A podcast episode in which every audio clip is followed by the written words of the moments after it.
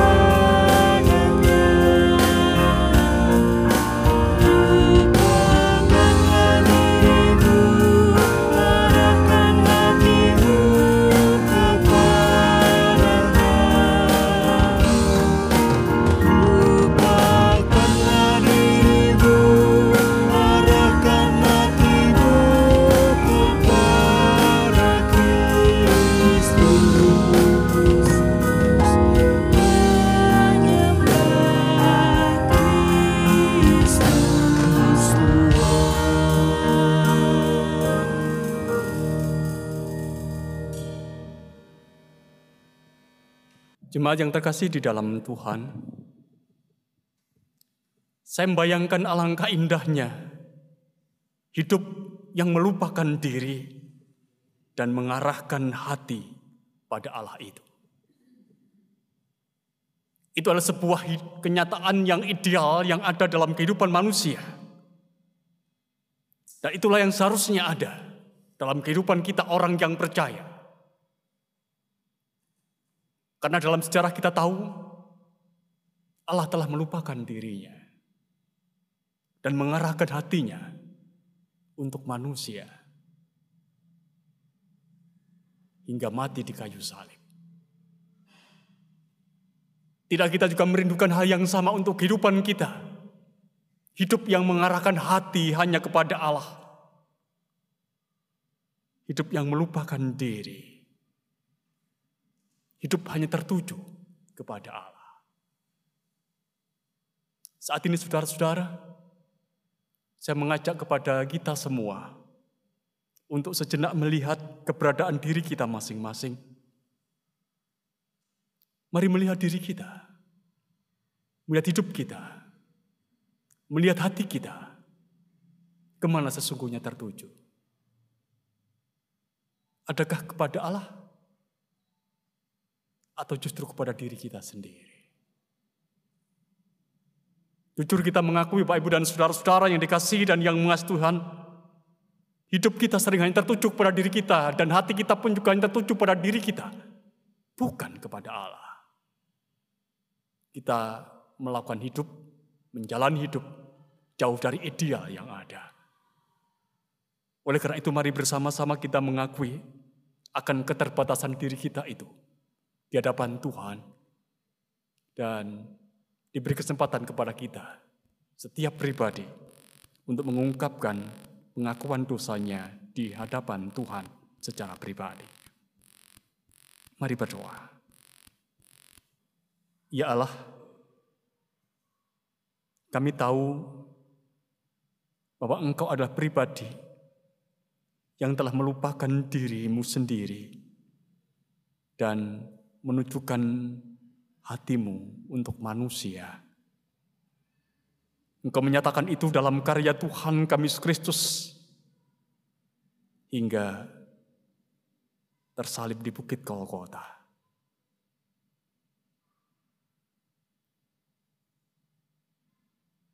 Engkau mengetahui apa yang sungguhnya terjadi atas kehidupan kami. Ketika kami belum bisa meneladani apa yang sudah Engkau lakukan di dalam kehidupan kami. Ketika hidup dan hati kami hanya tertuju pada diri kami sendiri. Hanya tertuju pada hal-hal yang duniawi. Dan bukan tertuju kepada Engkau. Dalam kesadaran diri kami saat ini, kami mengakuinya ya Allah. Sekaligus juga mohon kepada Engkau supaya Engkau mengampun dosa dan pelanggaran kami.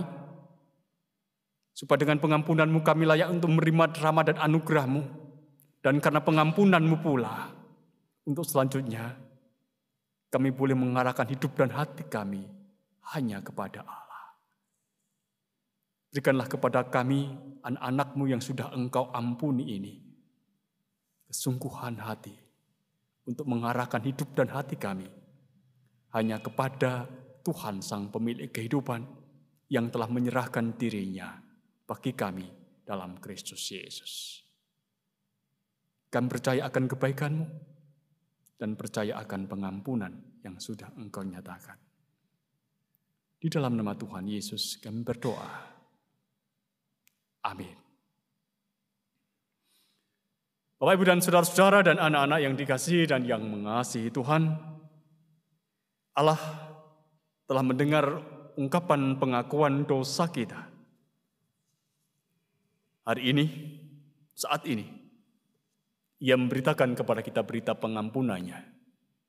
Menurut Efesus pasal 2, ayat 8 dan 9. Sebab karena kasih karunia kamu diselamatkan oleh iman itu bukan hasil usahamu, tetapi pemberian Allah. Itu bukan hasil pekerjaanmu. Jangan ada orang yang memegahkan diri. Amin. Seiring dengan berita pengampunan ini, mari kita kembali agungkan Tuhan. PKC nomor 179 bait yang pertama dan bait yang kedua.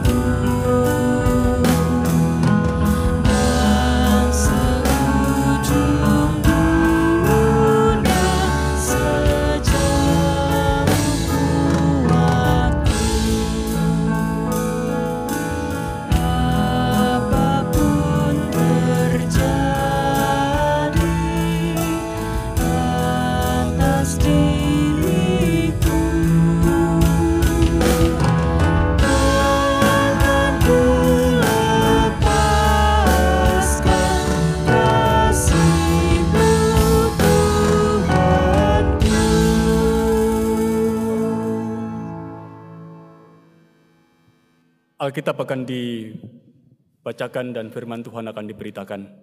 Mari kita mengawalinya dengan berdoa mohon pimpinan Tuhan. Bapa yang di sorga, kami senantiasa percaya bahwa Engkau adalah Allah yang berfirman kepada kami setiap saat, setiap waktu dalam kehidupan kami.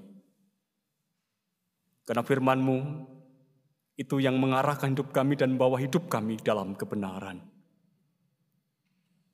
Oleh karena itu pada saat ini, ketika Alkitab akan dibacakan dan firman Tuhan akan diberitakan, kami mohon penyertaan dan pimpinan Tuhan atas kami. Berikanlah kepada kami hati yang mendengar, hanya mendengar suara Tuhan. Mampukan kami untuk mengerti apa yang Engkau sabdakan atas kami Berikan kepada kami hikmat dan pengetahuanmu dalam karya roh kudus. Supaya sungguh-sungguh dengan apa yang engkau beritakan bagi kami.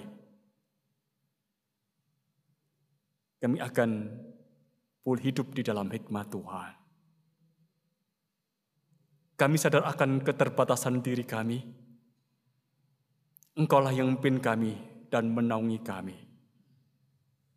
Engkau juga yang berikan kekuatan kepada kami untuk pemberitaan firman-Mu ini. Sehingga apa yang kami ucapkan biarkanlah itu menjadi ucapan Tuhan yang nyata dan jelas yang mengarahkan hidup kami ke dalam kebenaran. Kami terbuka terhadap pengajaran Tuhan. terhadap didikan Tuhan. Karena itu Tuhan, Engkau berfirman atas kami, kami mendengarkannya dalam nama Tuhan Yesus. Amin. Firman Tuhan akan kita baca diambil dari Matius 25 ayat 1 sampai 13 yang demikian bunyinya. Gadis-gadis yang bijaksana dan gadis-gadis yang bodoh. Pada waktu itu hal kerajaan surga seumpama sepuluh gadis yang mengambil pelitanya dan pergi menyongsong mempelai laki-laki. Lima di antaranya bodoh dan lima bijaksana. Gadis-gadis yang bodoh itu membawa pelitanya, tetapi tidak membawa minyak. Sedangkan gadis-gadis yang bijaksana itu membawa pelitanya dan juga minyak dalam buli-buli mereka. Tetapi karena mempelai itu lama tidak datang-datang juga, menggantuklah mereka semua lalu tertidur. Waktu tengah malam terdengarlah suara orang berseru, Mempelai datang, song-songlah dia. Gadis-gadis itu pun bangun semuanya lalu membereskan pelita mereka. Gadis-gadis yang bodoh berkata kepada gadis-gadis yang bijaksana, Berikanlah kami sedikit dari minyakmu itu, sebab pelita kami hampir padam. Tetapi jawab gadis-gadis yang bijaksana itu, Tidak, nanti tidak cukup untuk kami dan untuk kamu. Lebih baik kamu pergi kepada penjual minyak dan beli di situ. Tetapi waktu mereka sedang pergi untuk membelinya, datanglah mempelai itu dan mereka yang telah siap sedia masuk bersama-sama dengan dia ke ruang perjamuan kawin, lalu pintu ditutup. Kemudian datang juga gadis-gadis yang lain itu dan berkata, Tuan, Tuan, bukakanlah kami pintu. Tetapi ia menjawab, Aku berkata kepadamu, sesungguhnya aku tidak mengenal kamu. Karena itu, berjaga-jagalah, sebab kamu tidak tahu akan hari maupun akan saatnya. Demikian bunyi kesaksian firman Tuhan. Yang berbahagia adalah setiap orang yang mendengar dan melihara firman Tuhan di dalam hati dan hidupnya. Amin.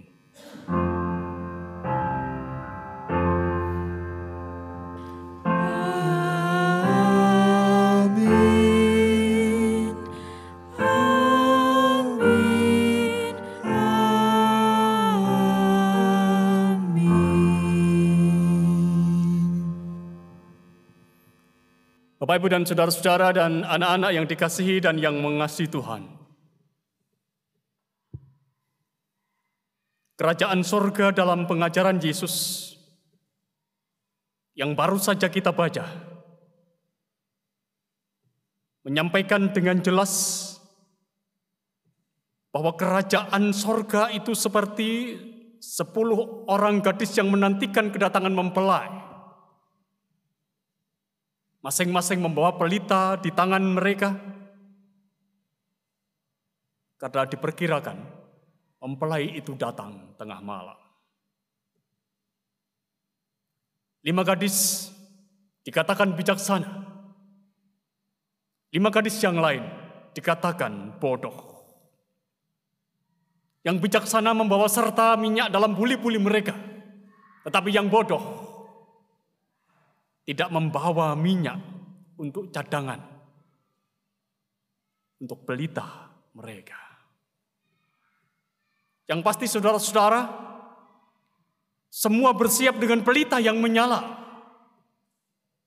Tapi ketika mempelai itu tidak datang-datang, dikatakan kepada kita, maka tertidurlah mereka semua.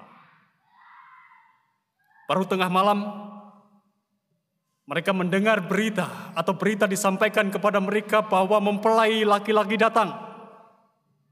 Kemudian mereka semua terbangun dan bersiap untuk menyambut mempelai itu.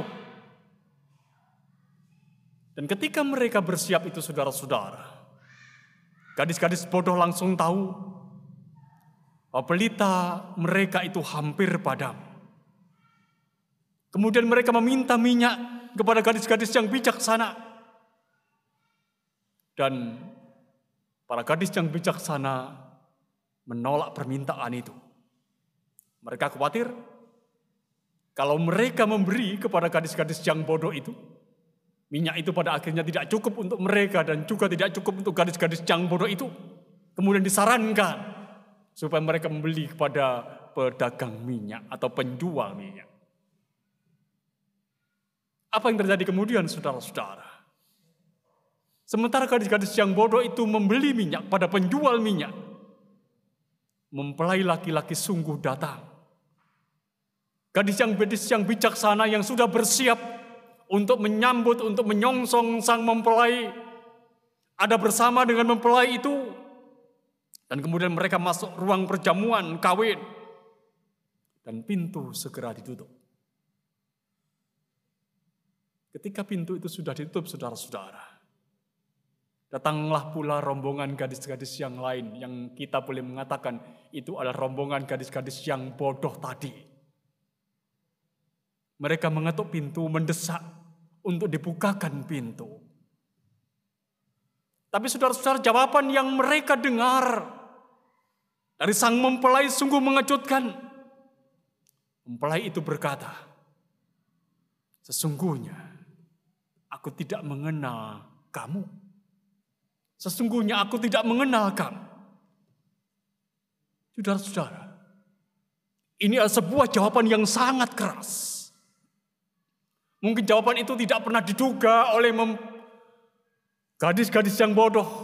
Mungkin pula jawaban itu juga tidak pernah diduga oleh gadis-gadis yang bijaksana. Memang pertanyaannya saudara-saudara. Haruskah Haruskah gadis-gadis yang bodoh itu diperlakukan sedemikian keras? Tidak adakah pengampunan di sini? Tidak adakah pengampunan di sini? Tapi saudara-saudara, dua pertanyaan ini tidak akan mungkin dijawab. Dua pertanyaan tidak mungkin terjawab. Dan tampaknya inilah yang mau dibangkitkan oleh perumpamaan ini. Bapak, Ibu, dan saudara-saudara, dan anak-anak yang dikasihi dan yang mengasihi Tuhan. Kalau kita memperhatikan perumpamaan ini, sepertinya perumpamaan ini perumpamaan yang menakutkan. Sungguh saudara-saudara, ini adalah sebuah perumpamaan yang menakutkan.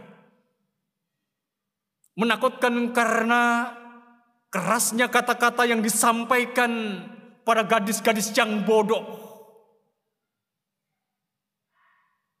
Mungkin di dalam hati kita itu muncul rasa iba. Lebih-lebih kalau kita perhatikan tokoh ceritanya adalah para gadis, semuanya gadis. Mereka sudah memiliki semangat untuk menanti dan menyongsong datangnya mempelai. Mereka sudah lama menanti itu. Tetapi saudara-saudara, karena kesalahan sedikit yang mereka perbuat. Mereka diperlakukan sedemikian keras. Tidak kita merasa kasihan dengan gadis-gadis itu. Pertanyaan sesungguhnya saudara-saudara. Apakah yang mau disampaikan dengan perumpamaan yang keras ini? Apakah yang mau disampaikan dengan perumpamaan yang keras ini? Tuhan Yesus menyampaikan sebuah perumpamaan yang keras apa yang ingin disampaikan Tuhan Yesus kepada para pendengarnya, kepada orang-orang yang mendengarnya atau kepada kita semua.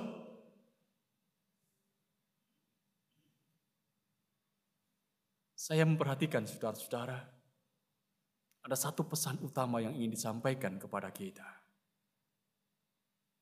Yaitu berjaga-jaga, menantikan mempelai laki-laki, itu adalah soal yang serius.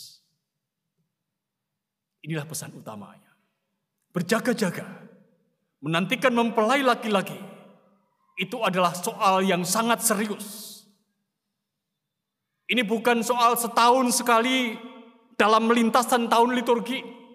Ini juga bukan soal sebulan atau seminggu atau sehari sekalipun. Ini soal yang serius setiap saat, maka setiap orang harus siap untuk menyongsong dia yang datang itu. Mari kita menyadari sepenuhnya di dalam kehidupan kita. Bapak, Ibu, dan saudara-saudara dan anak-anak yang dikasih dan yang mengasihi Tuhan. Bahwa waktu itu ada di tangan mempelai. Waktu itu ada di tangan mempelai. Dialah yang akan menentukan kapan dia akan datang. Karena dia adalah penentu waktu itu. Oleh karena itu konsekuensinya sangat jelas saudara-saudara. Yaitu setiap orang yang mendengar pemberitaan Injil hari ini. Setiap orang yang mendengar pemberitaan tentang perumpamaan yang disampaikan Tuhan Yesus hari ini, siapa pun, diperingatkan dengan sangat keras supaya belajar hidup bijaksana. Seperti lima gadis yang bijaksana. Setiap orang diperingatkan supaya selalu siap untuk menantikan datangnya mempelai kapan pun. Itu akan terjadi. Dalam bahasa perumpamaan, setiap orang itu harus siap dengan minyak cadangan dalam buli-buli mereka. Sebagai pribadi saya menghayati Bapak Ibu dan saudara-saudara dan anak-anak yang dikasihi dan yang mengasihi Tuhan. Jika hidup kita, hidup saudara dan hidup saya, itu adalah waktu untuk berjaga-jaga menyambut mempelai. Maka dalam perspektif perumpamaan ini saudara-saudara, kita juga bisa berkata bahwa hidup itu adalah perkara yang serius. Hidup itu adalah perkara yang serius. Oleh karena itu jadilah bijaksana. Berusaha untuk hidup bijaksana. Jangan bodoh. Karena apa? Karena dalam perumpamaan ini dengan jelas diungkapkan kepada kita bahwa sang mempelai tidak pernah mentolerir kebodohan. Sang mempelai saudara-saudara tidak pernah kompromi dengan kebodohan yang diperbuat oleh gadis-gadis yang bodoh.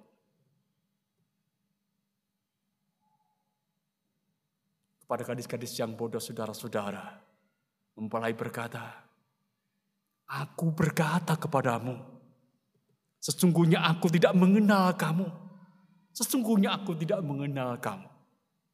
Karena itu berjaga-jagalah karena kamu tidak tahu hari dan saat. Apa itu kebodohan, saudara-saudara? Saya menghayati dan memahami kebodohan dalam perumpamaan ini. Dalam perumpamaan yang disampaikan oleh Tuhan Yesus ada sesuatu yang sederhana. Kebodohan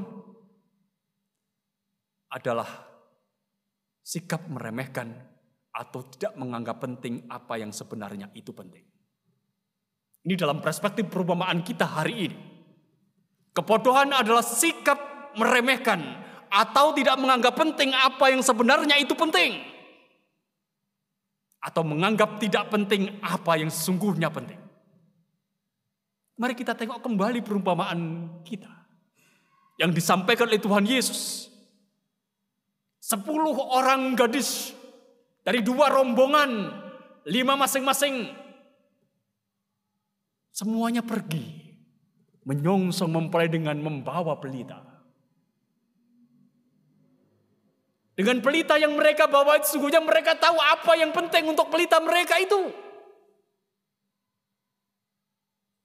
Dan tidak lain saudara-saudara yang penting adalah minyak dalam buli-buli. Mereka sungguhnya tahu itu penting. Dan ini dibuktikan dengan gadis-gadis yang bijaksana yang membawa buli-buli berisi minyak. Mengapa para gadis yang bodoh tidak membawa minyak dalam buli-buli mereka? Oh, mungkin mereka berkata itu merepotkan. Atau mereka berkata, itu tidak terlalu penting. Permintaan gadis-gadis yang bodoh kepada gadis-gadis yang bijaksana mengindikasikan hal itu. Mereka menyepelekan hal yang penting dalam kehidupan mereka. Tidak menganggap itu penting. Dan itulah kebodohan. Kebodohan yang pada akhirnya kemudian mencelakakan mereka. Bapak, Ibu, dan saudara-saudara yang dikasihi dan yang mengasihi Tuhan. Apa yang sungguhnya penting di dalam kehidupan kita? Yang itu tidak boleh kita sepelekan. Yang itu tidak boleh kita pandang remeh. Apa yang penting? Dalam perspektif tema ibadah kita tadi saudara-saudara, Rasul Paulus menegaskan ada tiga hal yang penting dalam kehidupan kita. Mari perhatikan kembali 1 Korintus pasal 13 ayat yang ke-13. Demikianlah tinggal ketiga hal ini, yaitu iman, pengharapan, dan kasih. Dan yang paling besar di antaranya yaitu kasih. Itu yang disampaikan. Itu berarti di dalam kehidupan kita saudara-saudara, itulah yang penting. Dalam bingkai tema ibadah hari ini saudara-saudara, kita bisa mengatakan dengan jelas bahwa kebodohan orang bodoh atau gadis-gadis yang bodoh itu adalah mereka yang menganggap tidak penting, mereka yang menganggap sepele, mereka yang menyepelekan iman, pengharapan, dan kasih.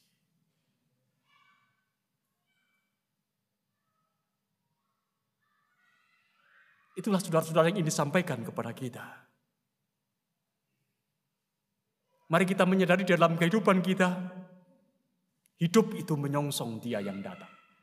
Hidup itu menyongsong dia yang datang, mempelai yang datang.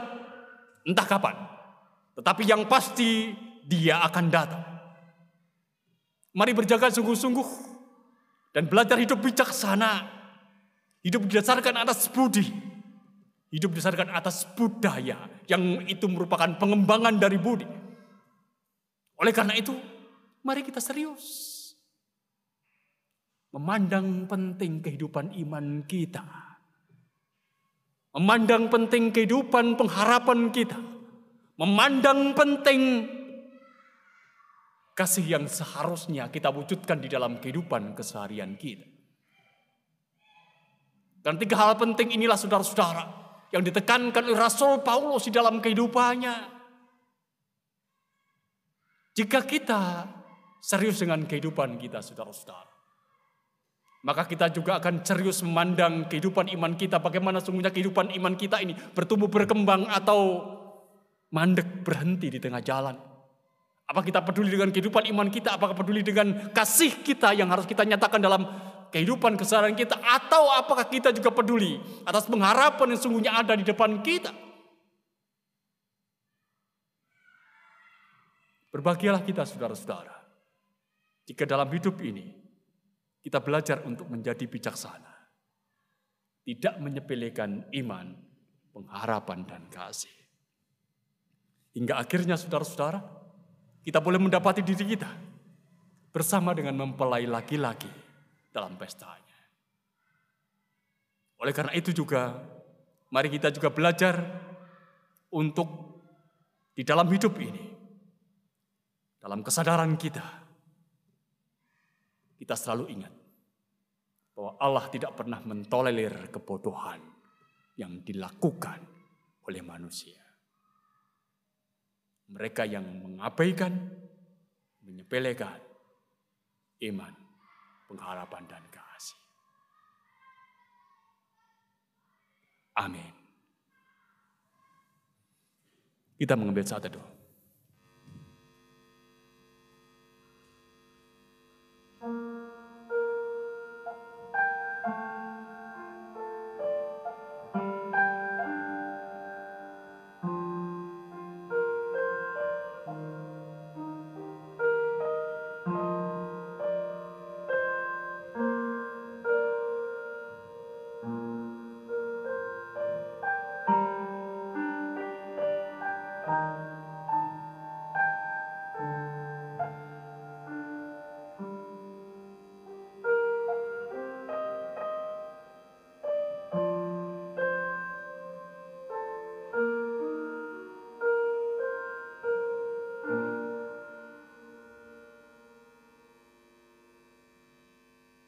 Mari kita menanggapi apa yang Tuhan sudah beritakan kepada kita melalui firman-Nya dengan kita angka satu pujian dari Kidung Jemaat nomor 371 bait yang ketiga.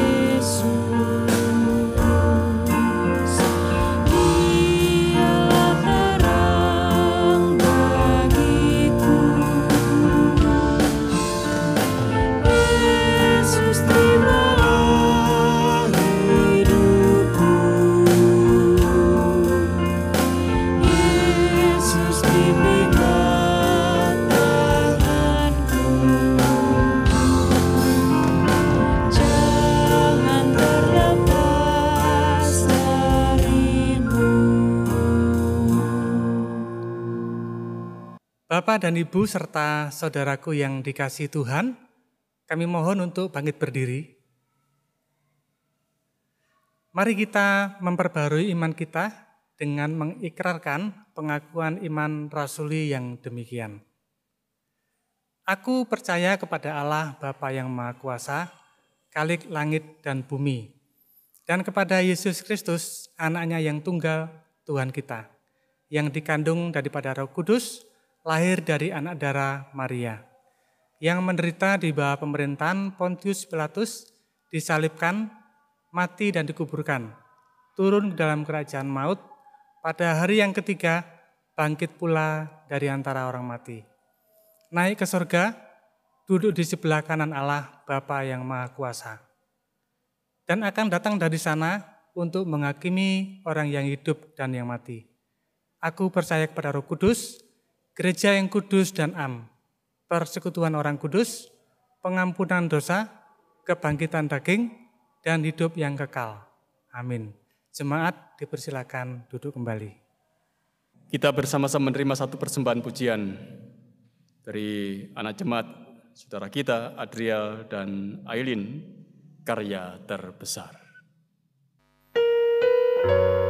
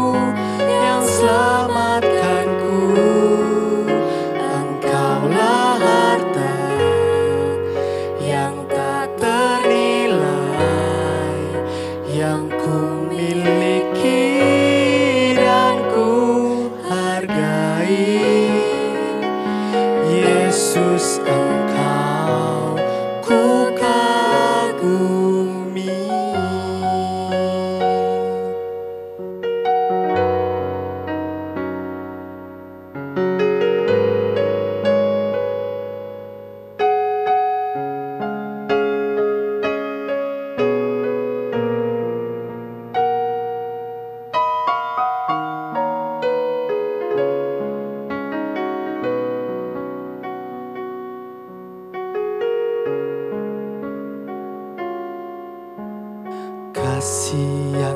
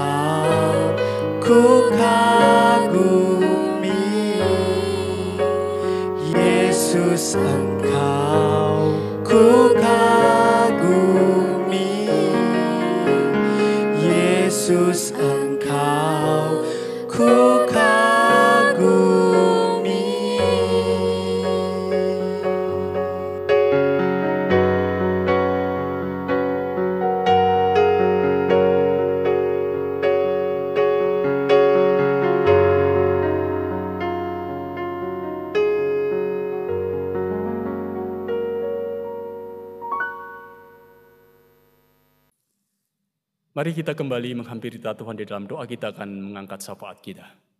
Mari berdoa.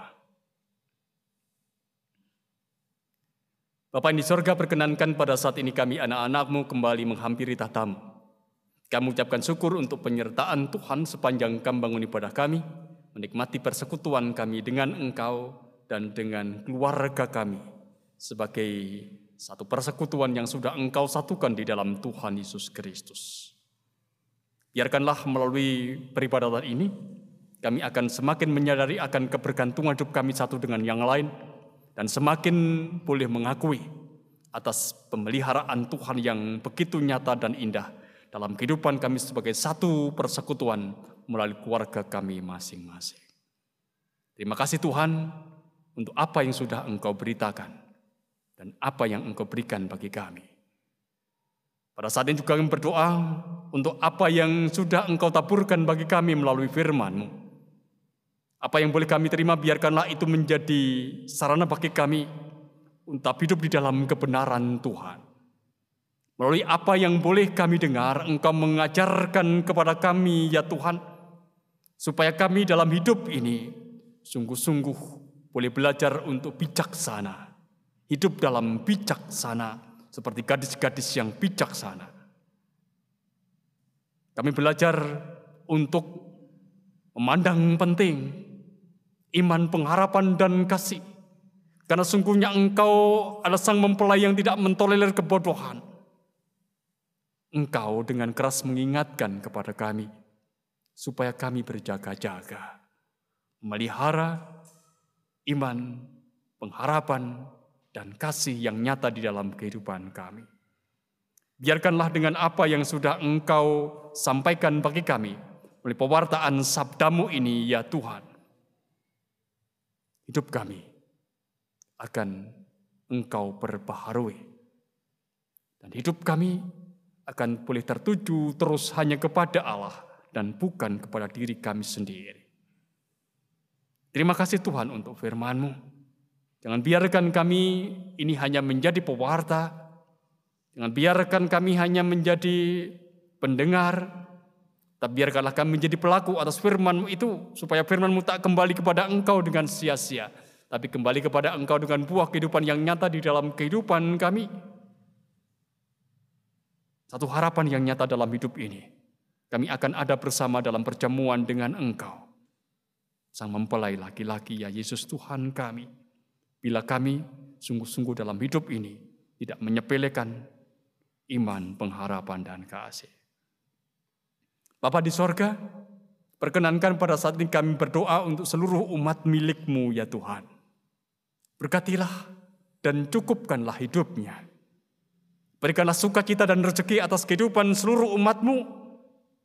Mampukan setiap pribadi untuk boleh bersyukur dan percaya akan peliharaan Tuhan yang menangkan hati dan jiwa setiap orang. Karena sungguhnya engkau adalah Allah sang pencipta, tapi juga engkau adalah Allah sang pemelihara. Engkau tahu apa yang menjadi kebutuhan kami. Engkau tahu apa yang menjadi pergumulan kami. Engkau tahu ya Allah, apa yang sungguhnya kami kendaki dalam kehidupan kami. Dan kami hanya berserah kepada Engkau. Atas dasar pengetahuan yang tak terbatas dari Engkau. Kami boleh mempercayakan hidup hanya kepada Engkau. Supaya kami tidak khawatir dengan kehidupan yang kami jalani. Bapa di sorga perkenankan pula pada saat ini kami berdoa untuk setiap pribadi yang hidup dalam pergumulan. Yang sakit ya Tuhan, Engkau menopang dan berikan kesembuhan. Yang ada dalam kebedihan ya Tuhan, Engkau hiburkan dan memberikan kepada mereka kuat kuasamu. Yang tersesat langkah hidupnya Tuhan bimbingnya untuk kembali jalan pulang hidup dalam kebenaran Tuhan. Yang terbelenggu oleh roh-roh dunia atau roh-roh kegelapan dunia ini. Tuhan yang akan berikan bebasan kepada mereka. Sehingga mereka boleh hidup dalam kebebasan Kristus. Yang terhimpit berbagai-bagai masalah kehidupan ya Tuhan. Berikan kepada mereka hikmah dan pengetahuanmu. Supaya pada akhirnya mereka tetap dikuatkan. Di dalam persoalan dan pergumulannya. Memungkinkan setiap orang tidak kehilangan pengharapan atas hidupnya. Berdoa pula untuk anak-anak Tuhan, anak-anak jemaat, dan para pemuda-pemudimu di jemaat Tuhan di GKJ Malang ini. Tuhan yang akan senantiasa sembing dan berikan kekuatan, berikan semangat dan berikan harapan. Tuhan yang memperlengkapi mereka, menjalani kehidupan mereka dalam segala keterbatasan, supaya pada akhirnya mereka boleh merempi dan harapan mereka dan hidup boleh bergantung sepenuhnya hanya kepada Tuhan. Berdoa pula untuk pandemi COVID-19 yang melanda dunia ini. Tuhan yang juga akan campur tangan. Biarkanlah pandemi ini segera berlalu karena kuasa Allah. Dan semua upaya masyarakat dunia yang serius Tuhan juga yang berkatinya. Sehingga sungguh-sungguh pandemi ini pun juga akan membawa kebaikan atas kami. Yaitu hidup dalam bergantungan kepada Tuhan, Sang Pemilik hidup. Atas kehidupan bangsa dan negara kami, kami menyerahkan kepada Tuhan. Supaya bangsa negara kami tetap ada dalam pemeliharaan Tuhan. Supaya negeri ini tetap ada dalam damai, sebagai janji Tuhan yang Tuhan nyatakan kepada kami dan melalui kehidupan pelayanan yang ada di KJW Jemaat Malang ini. Melalui penatua, diaken, para pembantu yang ada di dalamnya dan semua perangkat kerja Tuhan di KJW Jemaat Malang, kami akan belajar untuk terus bekerja melayani Tuhan dengan segala kesukacitaan demi damai sejahtera yang akan Tuhan nyatakan kepada kami melalui bangsa dan negara di mana Engkau menempatkan kami melalui jemaat ini untuk melayani. Bapak di surga, Inilah doa kami yang sungguhnya ada dalam keterbatasan engkau yang menyempurnakan. Di dalam nama Tuhan Yesus yang telah mengajarkan kepada kami berdoa. Bapa kami yang di sorga, dikuduskanlah namamu, datanglah kerajaanmu, jadilah kehendakmu di bumi seperti di sorga. Berikanlah kami pada hari ini makanan kami yang secukupnya dan ampunilah kami akan kesalahan kami seperti kami juga telah mengampuni orang yang bersalah kepada kami. Dan janganlah membawa kami ke dalam pencobaan, tapi lepaskanlah kami daripada yang jahat. Karena engkaulah yang punya kerajaan dan kuasa dan kemuliaan sampai selama-lamanya. Amin. Jemaat yang dikasihi Tuhan, tiba saatnya kita bersyukur kepada Tuhan dengan menyerahkan persembahan kepadanya. Seperti firman Tuhan yang tertulis pada satu Tawarikh 29 ayatnya yang ke-13 dan 14 yang berbunyi demikian. Sekarang ya Allah kami, kami bersyukur kepadamu dan memuji namamu yang agung itu. Sebab siapakah aku ini dan siapakah bangsaku sehingga kami mampu memberikan persembahan sukarela seperti ini. Sebab daripada mula segala-galanya, dan dari tanganmu sendirilah persembahan yang kami berikan kepadamu. Bersamaan dengan kita mengumpulkan persembahan, kita memuji Tuhan dari Kidung Jemaat 309, bait pertama dan kedua. Biar ku tumbuh di batangmu.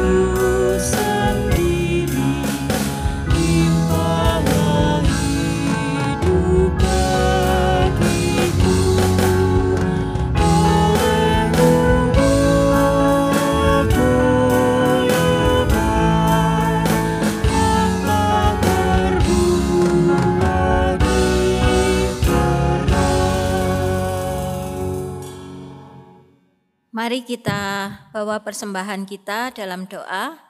Mari kita berdoa. Kami sungguh mengerti dan menyadari Tuhan atas kemurahan-Mu yang menjadi berkat bagi kehidupan kami. Terima kasih Tuhan. Tangan-Mu dengan lembut membimbing kami untuk terus bersyukur. Dan saat ini terimalah persembahan kami. Dan kuduskanlah ya Tuhan, wujud syukur kami. Walaupun nilainya tidak sebanding dengan berkat pemberianmu, kami juga berterima kasih atas firman yang sudah kami dengar. Berkatilah kami agar dapat melakukan bimbingan dan petunjukmu ini dengan baik. Kami juga berdoa untuk tangan-tangan yang mengelola persembahan ini. Kiranya juga Tuhan berkati dengan kemampuan yang bijaksana. Rasa takut akan Tuhan, sehingga menjadi berkat dalam mewujudkan kerajaanmu di gereja kami. Demikian doa dan ucapan syukur kami yang kami mohon hanya di dalam kemurahan Tuhan Yesus Kristus, Juru Selamat kami yang hidup. Amin. Jemaat kekasih Tuhan, kita akan mengakhiri ibadah kita pada saat ini. Ingatlah bahwa engkau diutus, diutus untuk menjalani hidup dengan serius tidak menyepelekan apa yang penting. Karena itu peliharalah iman, pengharapan dan kasih. Sebagai bukti nyata bahwa kita hidup dan belajar untuk menjadi bijaksana. Hitung jemaat 424 bait yang pertama.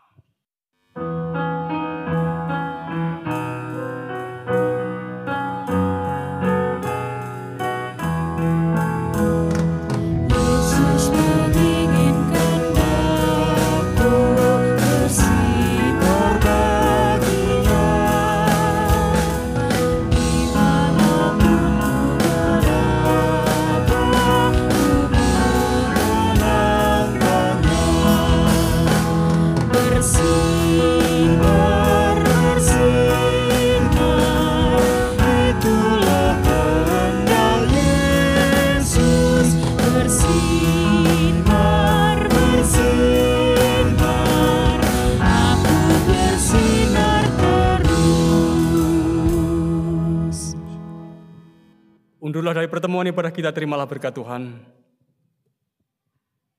Semoga Allah damai sejahtera menguduskan kamu seluruhnya dan semoga roh, jiwa, dan tubuhmu terpelihara sempurna dengan tak bercacat pada kedatangan Yesus Kristus Tuhan kita.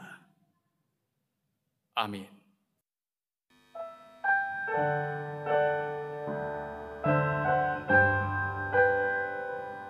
Puji Tuhan Jesus Christus.